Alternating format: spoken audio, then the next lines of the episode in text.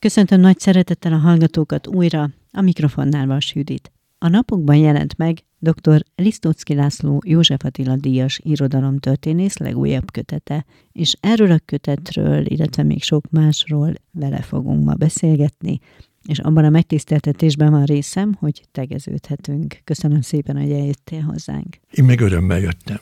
Gratulálok először is a kötethez. Az, hogy a napokban jelent meg, ez pontosan mit jelent, és mit akar maga a kötet? Múlt hét végén kaptam a Debreceni nyomdából a példányaimat. Az a cím a kötetnek, hogy Múlt ifjúság tündér taván. Ez Vajda János remek művéből, a 20 év múlva című versből való idézet. Ez a főcím, és van egy alcíme is, ami elárulja, hogy kiről és miről van szó. Mozaikok Markazi gyermek és ifjúkorom emlékeiből. Tehát megírtam a gyerekkoromból a legfontosabb, leginkább bennem élő emlékeket, azzal a szándékkal, hogy mielőtt innen végképp elmegyek, fejet hajtsak szüleim előtt és szülőfalum előtt. Tehát ez egy ilyen hiányérzet lehetett benned, hogy ezt megted. Tehát, hogy eddig még nem került rá sor. És Így van. Elárultad nekem, hogy 83 éves leszel. Hát az még, még, még csak leszek jövő hónapban. Jövő hónapban. De úgy érezted, hogy akkor most egy ilyen összegzést adsz a gyermekkorodról. Voltak éppen az ösztönzött a megírására, hogy én azokból a történetekből, epizódokból, emlékekből, amit ebben a kis kötetecskében összegyűjtöttem, sokszor mesélgettem, mit mondtak a szüleim, milyen esetekben, milyen bölcsességek nyilvánultak meg a szüleimben, édesanyámban, édesapámban, egyáltalán a falusi ember bölcsességében, és ezek közül én legszorosabb, legközelebbi barátaimnak is sok mindent elelmondogattam, elelmesélgettem, érdekes, frappáns történetek voltak. Ezek benne vannak persze a kötetben is. És mindenki, aki erről a tárgykörről beszélgetett velem, vagy beszélgetés közben e felé hajlott párbeszéd fonala, akkor megjegyezték, hogy ezt meg kell írnod, ezt meg kell írnod. És hát ezt tettem meg tényleg, mielőtt innen el kell köszönnöm ebből a létdimenzióból ezt az adósságot, amit szüleimnek köszönhetek, szülőfalumnak köszönhetek, kellett törlesztenem. Nem is folytatom ezt a memoárt, mert a későbbi történet már nagyon fájó emlékeket is, sebeket is fölidézne, föltépne bennem. Ebben viszont benne van minden arról, hogy hogyan és miképpen lettem én az, aki vagyok, vagy aki szerettem volna lenni. Visszamegyünk most gondolatban mi is, jó? Tehát Markazon születtél, mivel foglalkoztak a szüleid? 1941. február 26-án születtem Markazon, Mátra déli dombságai ölelik át a falumat. Gyöngyös közelében van a falu, 13 kilométerre Gyöngyöstől. Édesapám kovácsmester volt, és nem csak ő volt kovácsmester, hanem visszamenőleg, ameddig el lehet látni, minden őse. Nagyapám például eldőtelken volt kovács, és onnan nősült Markazda, édesapám folytatta a mesterségét, nem tudom hány nemzedékre visszamenőleg voltak kovácsok az apai őseim. Édesanyám egyszerű parasztasszony volt, gyöngyösi származék, legalábbis Hacsavec Béla, aki Markasz történetét megírta, rábukkant olyan dokumentumra, adatra, amely gyöngyös felé mutatott, és ott más volt a neve, mint ami, ahogy én megismertem, Skoda Erzsébetnek hívják, ez egy szlovák név, mint hogy a település is szlovák, de ez alkalmazkodás jelentett a markazi szlovák nyelvjárás, azt tudni, a török hódoltság alatt a falu elnéptelenedett. És 1742-ben Mária Terézia uralkodása alatt az elnéptelenedett faluba Fervidékről szlovákokat telepített be. Ma is élnek még a régi szlovák családok. Tehát édesapám, mint kovácsmester, édesanyám, mint egyszerű parasztasszony mm. állt a háttérben a maga élettapasztalataival, rendkívül fegyelmezett, praktikus gondolkodásával, paraszti bölcsességével és szigorú, szigorú nevelési módszerével. Ha jól tudom, hatan voltatok testvérek, de hárman nőttetek föl.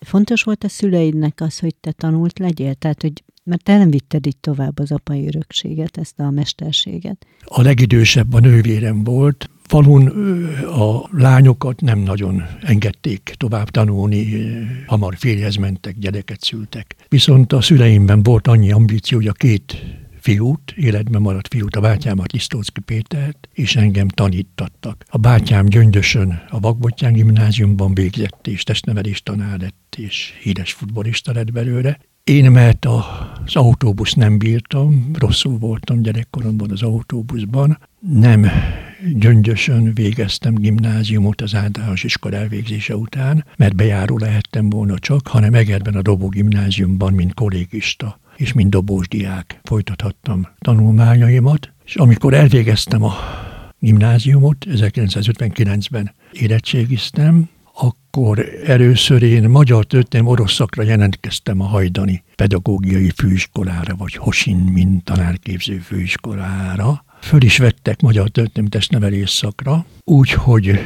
két évet majdnem elvégeztem. Ez azt jelenti, hogy a második tanév végén nem tettem le minden vizsgámat. A második tanév elején az ifjú nevelőben, a főiskola alapjában megjelent egy versem Szívdobbanás a címe, ami nagyon durva kritikát kapott, mert a szocialista költőnek a hitvallását nem pedezték föl benne, ezt egy pap is megírhatta volna, ilyen elvont, idealista mm. rajongás szólal meg benne, ami gyermekkoromra, kamaszkoromra jellemző volt. A verset előre megmutattam Perzi Andrásnak a irodalmi tanszék vezetőjének, amikor a két durva kritikát, méltatást elolvasta, berendelt a tanszékvezetői szobába, és rá jellemző határozottsággal rámutatott, átmész Debrecenbe. És akkor az ő segítségével, meg volt dobós tanáraim segítségével felvételiztem magyar néprajzszakra. Két évenként indult néprajzszak, akkor éppen, és kb. 5-10 főt, ha fölvettek. Sikerült a vizsgám, és úgy segítettek rajtam, úgy vettek föl, hogy másodikból másodikba magyar történelem szakra különbözeti vizsgával. Uh-huh. Tehát egy évet beszámítottak a két évből, és amit nem tettem le, azokat a vizsgálatot pótolnom kellett, és így végeztem én magyar történelem szakon Debrecenben, a Kossuth Egyetemen, uh-huh. és lettem magyar történelem szakos középiskolai tanár. Visszamegyünk még egy picit Markazra, jó? Mert ugye említettük a beszélgetésünk elején, hogy mennyire fontos a gyermekkor mindenki életében, így a te életedben is. Most végigvettük így a tanulmányokat, csak egy picit gondolatban még arra lennék kíváncsi, hogy ugye meséltél a szüleidről, és hogy mit kaptál tőlük, de Markazról, vagy Markaztól, tehát attól a közösségtől, attól a helytől, mi az, amit kaptál, ami úgy, úgy hogy az egész életedben erőt adott, vagy végigkísért?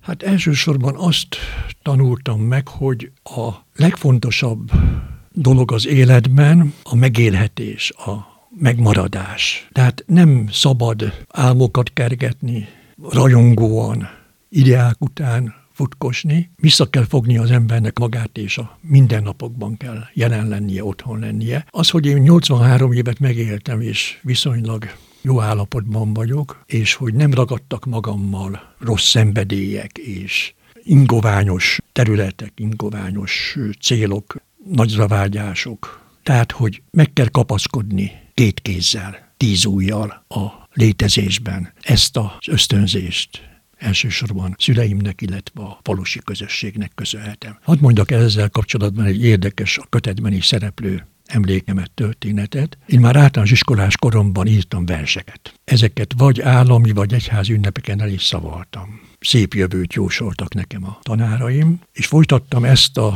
irányultságomat a Dobó gimnáziumban is, amelynek akkor még egy kiváló, nagy hagyományra visszatekintő önképzőköre volt. Annak Némedi Dénes volt az elnöke, én meg az alelnöke. Volt egy társam, barátom, nem osztálytársam, csak önképzőkeli társam, Szilárd Csaba közösségben, aki nálam is rajongóbb, ideákat hajszoló, kicsit talán exaltált ember volt, és az egyik nyári szünetben levelet írt nekem. Az egyszerű paraszti családokban nem volt levéltitok. A szülőnek mindent tudnia kellett a gyerekről, mindez joga volt. És elolvasta a levelet, este találkoztunk.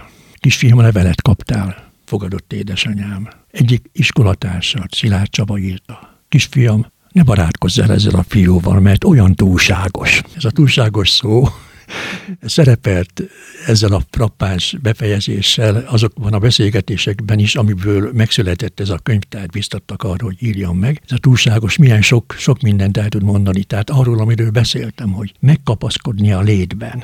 a lét és fajfertartás ösztönében, és ezeken az alapokon nőhetnek csak ki az álmok. Mondjuk érdekes, hogy hallgatnak, hogy ugyanakkor te, aki a művészet, irodalom bűvkörében éltél és élsz ma is, ezért nem lehet könnyű nem az álmok, vagy nem a szenvedély, a túlságosság hatása alatt lenni, nem? Tehát nem volt nehéz egy kicsit ezt a fajta józanságot, ezt a kapaszkodást úgy megtartani? Hát az ember nem bújhat ki a bőréből, tehát nem lehet más, csak amit születése, származása determinál. Tehát én alkatilag is az érzelem embere vagyok, nem, nem az ösztönöknek, nem az észnek, a tudatosságnak az embere vagyok.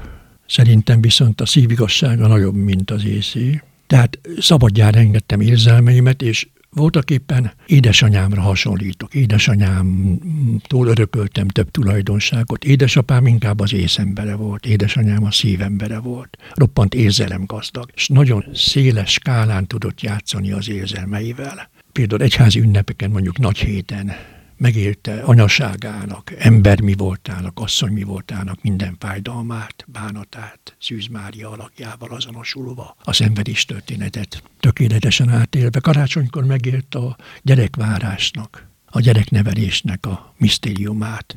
Legalább úgy tudott zokogni és sírni is, mint, mint nevetni. Mm. Sírt, amikor nagy héten a szenvedés történet, mondjuk a passióban megfogalmazódott. De a lakodalmakban ő volt a legvidámabb.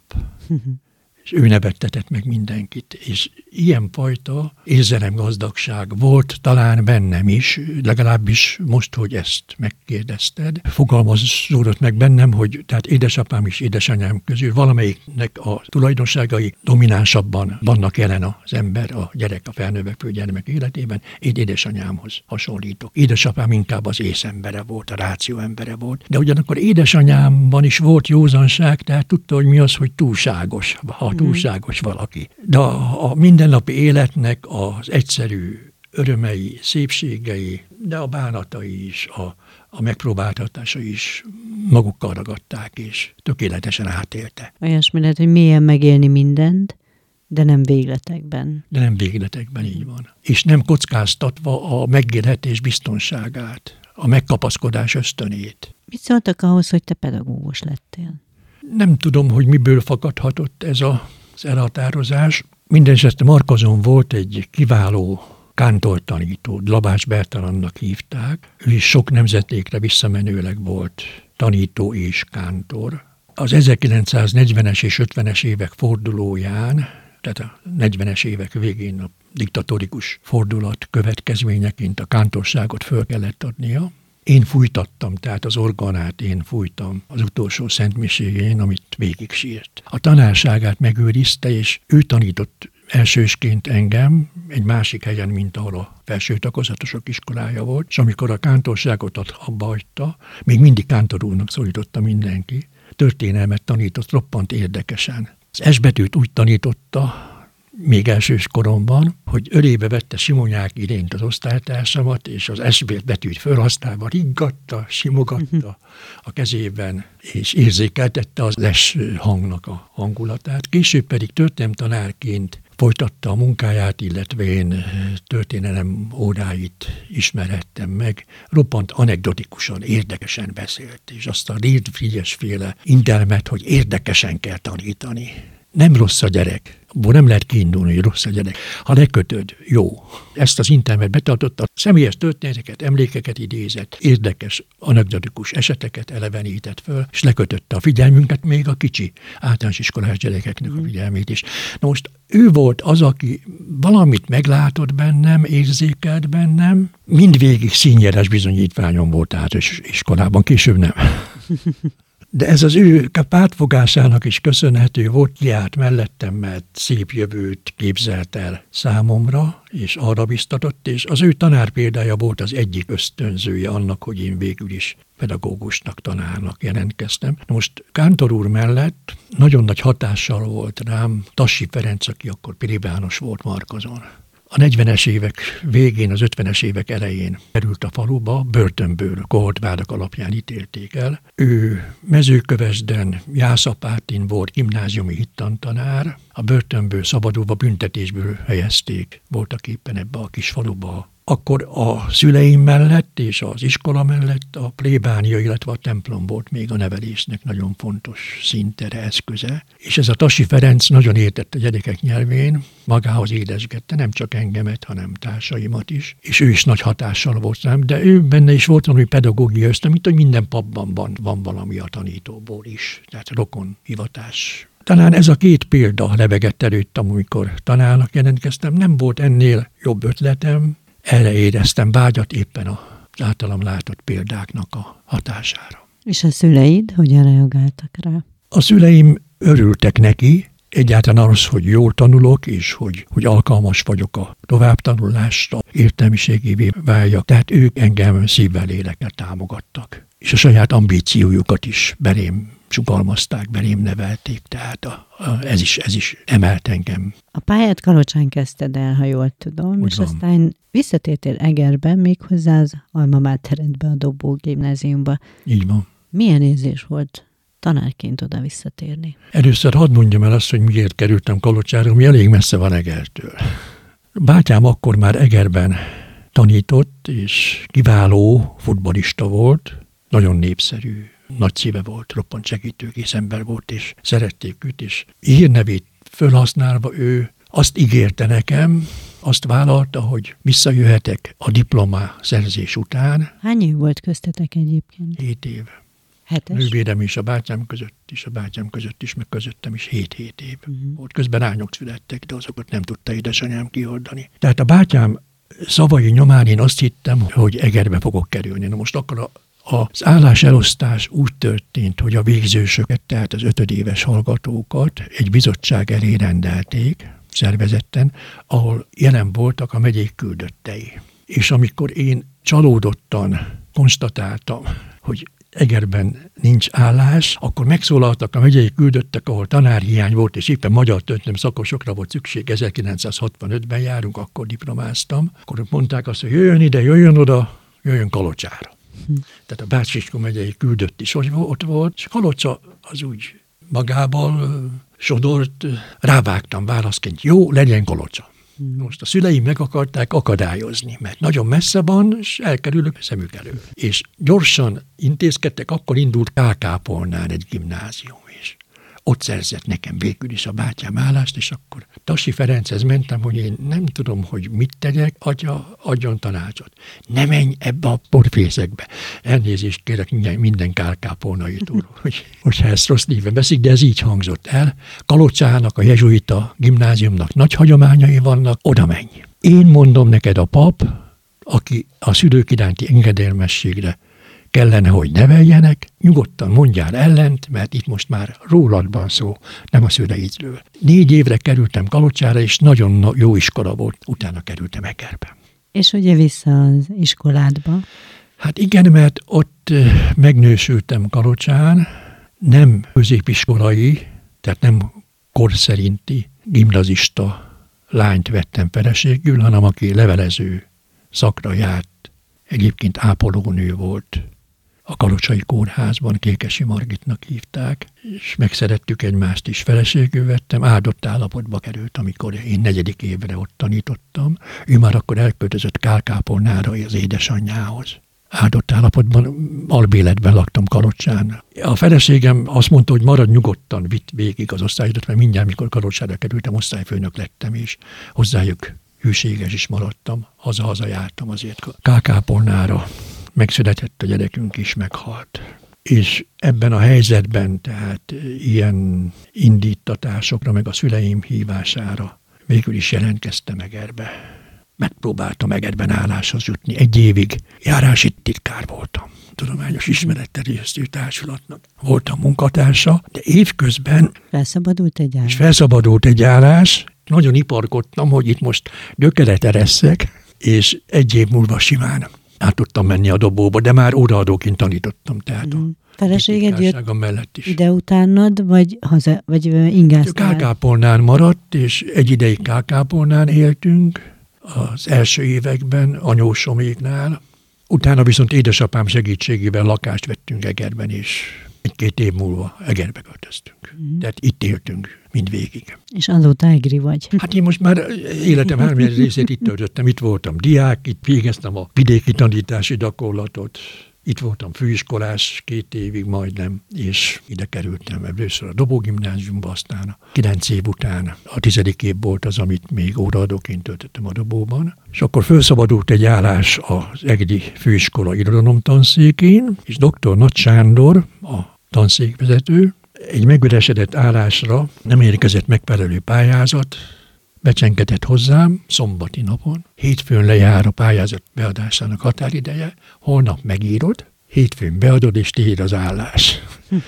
Most előtt ő beszélgetett tanítványokkal, még kalocai tanítványok is ide kerültek az EGRI főiskolára, és Cserei Gábor például, és nyomozott utánam eh, Nagy Sándor, és sok szépet mondhattak rólam, úgyhogy így kerültem ide a főiskolára, tehát tíz év után, ahogy visszaköltöztem Egerbe. Nyilván más volt ezért már fiatal felnőttekkel foglalkozni, mint a középiskolásokkal bizonyos szempontból. Mondjuk a magja ugyanaz, tehát valahogy az irodalmat, az irodalomtudományt megszerettetni, tanítani. De szerinted te milyen pedagógus voltál a középiskolai évek alatt? Volt egy célod, hogy, hogy hogyan akarod megtanítani a gyerekeknek, vagy megszerettetni velük az irodalmat? Hát egy titkot már elárultam az előbb, hogy Kántor úr Markazon Dabás Bertalan azt a Reed Frigyesi elvet követte, hogy érdekesen kell tanítani, de hát igyekeztem érdekesen tanítani. Még a főiskolai előadásaimon is, negyedéves hallgatóknak mondjuk, akiknek esztétikát adtam elő. Tehát úgy tartottam az óráimat, hogy kiszámoltam, hogy mennyi ideig tudnak koncentráltan figyelni, és utána becsempésztem valami olyan érdekes mozzanatot, anekdotát, könnyebb, vidámabb fejezetet, epizódot, hogy felfrissültek, és aztán megint folytattam, tehát igyekeztem érdekesen tanítani. Ez az egyik. Szerettem és nagyon szerettem az irodalmat. És szerettem, és nagyon szerettem a tanítványaimat. Általában az embert. És végig is gondoltam, hogy ezt a szeretetet hogy kell gyakorolni, hogy kell kifejezni, adagolni tanárként egyáltalán a mindennapi életben. Én azt hiszem, hogy az abszolút érték és az abszolút hatalom a Földön, a tanári pályán is, és mindenféle pályán persze, a szeretet. Csüggettem volna lankat képzelettel, de folyton gyors kerékként forgatott vágyat és célt bennem a szeretet, mely mozgat napot és minden csillagot. Ez egy Dante idézet, az Isten színjáték részlete, amit Babics fordított magyarra, ez életem egyik vezéreszméje volt. Tehát a, a, a szeretet a, a mindenható, amiből minden származik, tehát minden felülír. És aki, aki tud szeretni, az a legjobb befektetés, mert kamatostul hm. visszatérül. Ez így van. Sűrűn egyfolytában érzékeltem, és még most is. Fontosnak tartottad a főiskolán is, mert majdnem 30 évet töltöttél el a főiskolán, tehát ez ott is fontos 27 volt. évet, tehát majdnem 30-at. Pontos. Hát mit tudom én, amikor három órás előadást tartottam, negyedéveseknek, de az első fél évben. A két világháború közötti magyar irodalom történetről. Mindig öt percet késtem az órákról, de azt tudták pontosan, hogy öt perc múlva, de akkor biztos, hogy jött Danár úr. Tehát az öt perces, a tíz perces szünetek helyett 15 percet tartottunk, és nem mentem be a tanszékre, de a levelező oktatást is így végeztem, a levelező óráimat is, a konzultációkat is így végeztem, hogy beszélgettem a tanítványaimmal. Oda mentem hozzájuk, megszólítottam őket. Tehát amit én Markazon láttam, az ösztön munkát bennem, és nem, nem, nem a semmibe a szeretet, az, az, annak, annak szilárd helye van az emberi kapcsolatokban, a tanárdiák viszonyban is. Az erdélyi költészet, az mikor érintett meg, és hogyan? Mert ez egy nagyon fontos része az életnek. Nagyon fontos, így van. Hát ez is gyermekkoromból ered. Fölöttünk volt az iskola, ahova felső tagozatosok jártak. Elsőbe máshol jártunk, Kántor úr vezényletével, és amikor felső tagozatos lettem, akkor ott fölöttünk volt az a iskola, tehát ott folytattam az általános iskolai tanulmányaimat, és ott lakott az iskola igazgatója Rados István, akinek volt egy fia, több gyereke is volt, de egy valaki közülük jó barátom lett, a Rados István. És ez a család erdélyi kötődéssel is bírt. Például egyszer a Pityu segítségével, Rados István barátom, pajtásom segítségével megkaptam az erdélyi Helikon íróinak 1934-ben megjelent antológiáját. Ez az Erdély Székműveszti megalapításának tizedik évfordulóján látott napvilágot. Közölte a benne szereplő erdélyi magyar írók fényképét, rövid életrajzát és egy-két művüket. Akkor olvastam először Gida verset, Tamás Járon novellát, találkoztam Kóskároly nevével. És valamit megéreztem ebből a kötetből, hogy tényleg van kisebbségi géniusz, tényleg van kisebbségi humánum. A kisebbségi géniusz szót felvidéken Győri Dezső teremtette meg. Erdélyben pedig egy író, Kacsó Sándor a neve, kisebbségi humánumról beszélt. A többség mindig hajlamos a hegemonizmusra, tehát erőfölényének fitoktatására és azzal való visszaélésre. A kisebbség számára viszont létkérdés az emberség, a megmaradásnak a a dolga fűződik hozzá. Valami olyan szülőföld szeretetet is, és népszeretetet, és szeretetet éreztem ezekben a művekben, hogy már általános iskolás időszakomnak a felső tagozatos éveiben úgy álmodoztam Erdélyről, mint egy tündérkertről, ahogy Móricz is Tündérkert című regényében megnevezte ezt az országrészt, és sok szépet és jót hallott hallottam Tasi Ferenc atyától is, a falupapjától is Erdélyről. Ő álmokat ültetett belém Erdélyről. Emlékszem például arra, hogy amikor először, ez 1950-es évek első fele, tehát a legsötétebb diktatúra voltak nagy családi gondjaink, és kellett szembenéznünk otthon a szegénységgel is, mert mindenünk, azt a nemzedéket mindenüktől kiposztották, aki egy kicsit tehetősebb volt, és akkor tabu volt Trianon, tabu volt Nagy Magyarország. És egyszer megláttam Magyarország, a régi Magyarország térképét. Megdöbbentem, hogy háromszor akkora volt valamikor Magyarország is. Tanástalan voltam, és mentem a plébániára, és előadtam, hogy hát hogy van ez, Tasi atya. És emlékszem az első mondatára, hogy reagált az én kétségbeesésemre és magyarázat koldulásomra, nem szabad remondani róla. Na most kiderült a beszélgetésből, hogy nem határváltozásra gondolt, hanem arra, hogy a magyar nemzet nek az egységét meg kell teremteni. A határon túli magyarokat sajátunknak, saját nemzetünkhöz tartozónak kell tekintenünk. Az, hogy egy költő mégis nagyon kiemelkedett közülük, ugye a már említett Zsidejenő, ez minek köszönhető? Tehát mi az, amit benne megéreztél? Mi az, amit benne megláttál? Őt ugye valahol a halál eléggé átlengte, vagy körbelengte, mert fiatalon, de valahogy a verseiben, mintha nem mintha az élet, nem is tudom mi a jó szóhez való ragaszkodás, vagy misztikuma az erősödne. Ez a kettősség vonzott igazán, vagy, vagy mi az, ami, amit ő benne láttál meg? Olvastam valahol, egy régi folyóiratban, nem tudom, nem emlékszem pontosan. Olvastam egy versét, ami nagyon megragadott, felső tagozatos diák lehettem Markazon. Jámbor Messzi magamról a címbe. Vándor voltam, koldús, vándor, mint a gólya, Kurjongattam olykor Isten csavargója. Úti feszületnél mindig csöndes lettem, bozontos kutyámmal áldogáltunk ketten. Tiszta fasarúval jártam síkot, dombot, és bevetartogattam, amit Krisztus mondott. Nyilván nem kínosztam, nem kínosztam pókot. Tréfád volt, szerettem, szerettem a csókot. Értem Szűz Máriát, hétősebű bánat, kíméld meg a kintól lelkem kis anyámat harangzsonduláskor imámat eresztém, hadd halljak meg úgy, mint kedves végkeresztény. Rezeda volt szívem, citer a virágdal, bálokon táncoltam huncut leánykákkal, éjjel a szovámban angyalok motoztak, és takaróm alatt meg megcsiklandoztak. Most olyan játékos hevület, olyan felfokozott, hatványozott életszeretet szólal meg ebben a versben, ami később rájöttem, az egész csida életművet jellemezte.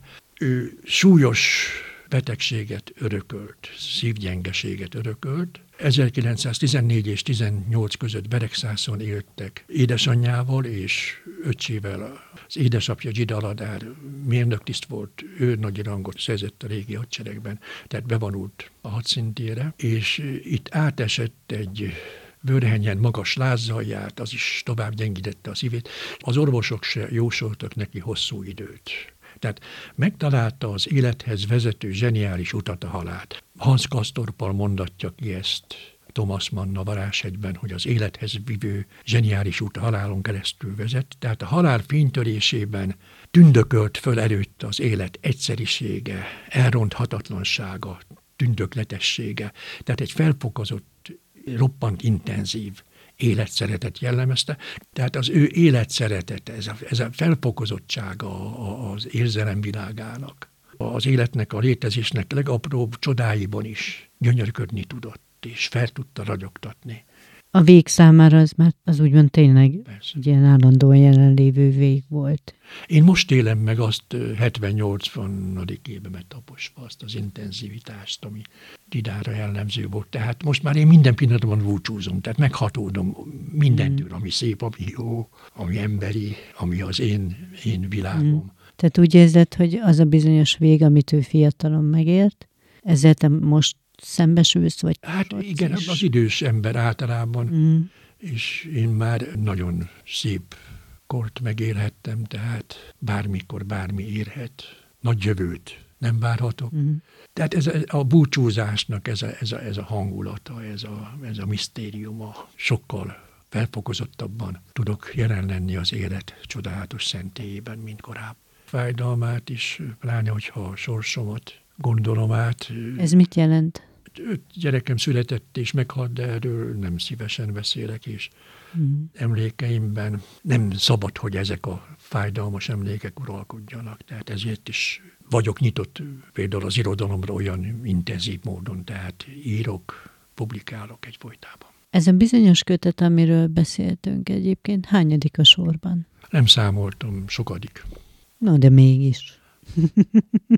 Biztos hát, van valami. Hogyha mindent számítunk, tehát nem csak a monográfiáimat, hanem csak a tanulmányköteteimet számolom, hanem az általam szerkesztett forráskiadványokat, szerkesztéseket úgy így, 70 így. körül lehet. Hú. De ebből mm. körülbelül 10, ami igazán komoly. Tehát mondjuk a többi is komoly, persze, hogy komoly, mert kellett hozzá egy életmű magyar tanári, irodalomtörténészi elhivatottság és egy tudásanyag. És, és tudás. Az, hogy a baráti kört létrehozd, vagy létrehozzátok, ez miért volt fontos neked? Én a Gina Jenő baráti kört akkor alapítottam, amikor már közeledett a nyugdíjas időszak, hogy olyan intenzíven legyek jelen a, a világban és az irodalomban, a műveltségben, annak folyamányaként alapítottam meg a Gida Jenő Baráti Kör nevű közhasznú irodalmi egyesületet, ami jelen van Eger szellemi irodalmi életében. Mind a mai napig már nem is számoljuk ki, hogy így van, még 20 valahány éve. Holnap is jelen lesz, holnap után is, azután is, amíg bírom szusszal. Fölnevelődött egy nemzedék a gyidakörben, akik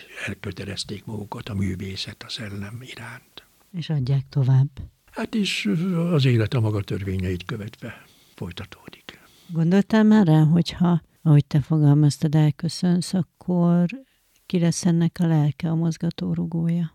Én gondolkozom rajta, de én azt hiszem, hogy az annyira, annyira az én személyemhez kötődik, hogy nehéz lesz hát az találni valakit, aki ebben az irányban sikeresen vagy örömmel tud és ilyen lendülettel. Tájékozódni, eligazodni, kézben tartani. Hát nem is, nem is az, a dzsidakörnek kell életben maradnia, hanem annak a szellemnek, amit a dzsidakör képviselt, és az most körvonalozódott legalábbis nagy vonalakban. Több díjat is kaptál. Ugye úgy konferáltalak fel, hogy József Attila díjas. Számolunk, 24 van, éppen 5 éve lesz, hogy megkaptad. Hát ez a, ez a csúcspont mm-hmm. egyébként, és meg is lepődtem, mikor megkaptam. Én teljesztettem föl magamat. De előtte évben például Proagria hát előtte megkaptam életműdíjat is kaptál. Proagria életműdíjat, így van. Aztán megkaptam a 13 volt az, én is voltam. Szervácius díjat, igen, igen, igen. díjat. Ezt a határon túli magyar irodalom népszerűsítésért uh-huh. elsősorban. Akkor kaptam egy irodalmi nívó díjat, kaptam a díjat ezen a címen, hogy gyöngyös kultúrájáért. Uh-huh. Azt szokták kérdezni ilyenkor általában, hogy ez mit jelent a díjazottnak, az, hogy díjakat kap, vagy díjat kap. De én nem kérdezem meg ezt, mert Szerintem én fontosabb úgy... volt egy-egy óra, fontosabb volt a zsirakörök összejövetele. Ez jön magától, tehát ezt nem, nem lehet szervezni, ez, uh-huh. ezt nem lehet célnak tekinteni, uh-huh. és, és vagy, vagy, vagy százszor rossz, hogyha valaki a címet, rangot hajász. Az élet annál sokkal komolyabb is. De ugyanakkor meg egy ilyen visszacsatolásként, vagy egy mérföldkönnél, de fontos. Fontos, fontos, ez biztos, hogy... De én úgy gondolom, hogy valami hasonlót már a beszélgetés közben meg is fogalmaztam, hogy, hogy minden érzelmi, szellemi energia befektetés kamatostul visszatér. Mm. Rövid távon lehet zűrzavaros a világ, és hálátlansággal vádolható a világ. Hosszú távon minden kozmikus rendhez igazodik. Valamiféle irányítója, szellemi központja van a világnak, ezt úgy hívják másképpen, hogy Isten. Az éved úgy indult, tehát, hogy akkor megjelent ez a kötet. Mikor lesz a bemutatója? Dolgozol-e most valami? Nem lepődnék meg, ha igen. és mi a terved 24-re? Hát, hogy mikor lesz a bemutató, azt én nem tudom, és nem is fogom kérni és forszírozni, de mindig kapok ajánlatokat innen-onnan. Hát Markazon mindenképpen be fogjuk mutatni. Most egyébként egy antológiát szerkeztek, az a fő címe, hogy Most szólj Rigó, ez egy április versnek a címe, a címe pedig Magyar költők válogatott versei a madarakról. Elmondom, hogy mi ösztönzött, hogy ezt az antológiát megszerekesszem. Ebből egy 600 oldalas könyv lesz, már majdnem annyi, ami összegyűlt anyag. Amikor oda költöztünk, ahol most lakok, ez egy falusias környezet, tehát kertes családi házak vannak ebben a városrészben, és a városnak nagyon népszerű lakóterülete. Amikor oda költöztünk, ez valamikor a 70-es évek közepetáján volt, az 1970-es évek közepetáján, akkor négy-öt madárfészek volt, fecskefészek volt az ereszünk alatt.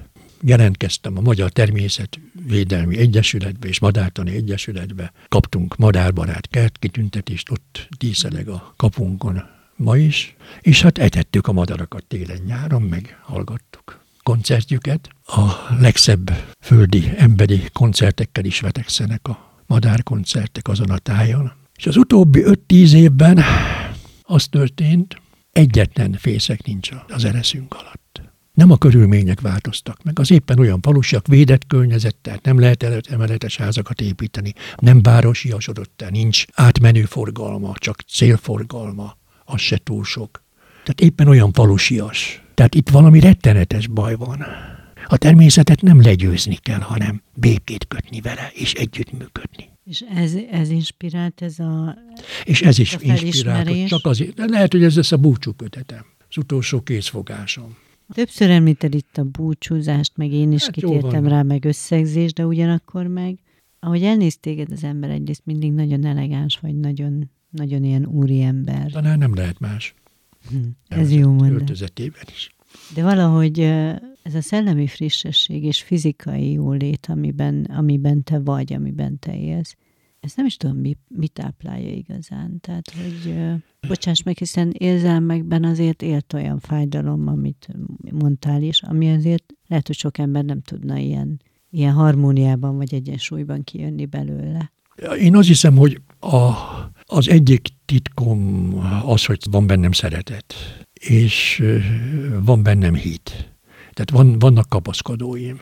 Teljesen biztos vagyok benne, hogy egy magasabb rendű erő létezik. És van dolgom a világban, tehát én az irodalmat szeretem, az irodalom népszerűsítésére szántam az életemet, van dolgom a világban, és ez is éltet. Nagyon kívánom neked azt, hogy egyrészt az irodalom, vagy a hited, vagy a kettő együtt még sokáig megadja neked ezt az éltető erőt, és hogy a kötetet pedig sikeres bemutatóval menjen tovább az útján, és jó egészséget kívánok, és nagyon szépen köszönöm, hogy eljöttél ide hozzám. Én is köszönök mindent, minden jó szót, és köszöntöm azokat, akik eddig figyeltek ránk, és befejezésül egy mondatot idézek egy kedves versemből. Isten kezében vagyunk, és ott vagyunk a legbiztosabb helyen. Hmm. Kedves hallgatóink, Önök dr. Lisztucki Lászlót és Vas hallották. Köszönöm, hogy velünk tartottak, tartsanak velünk máskor is. Viszont hallásra!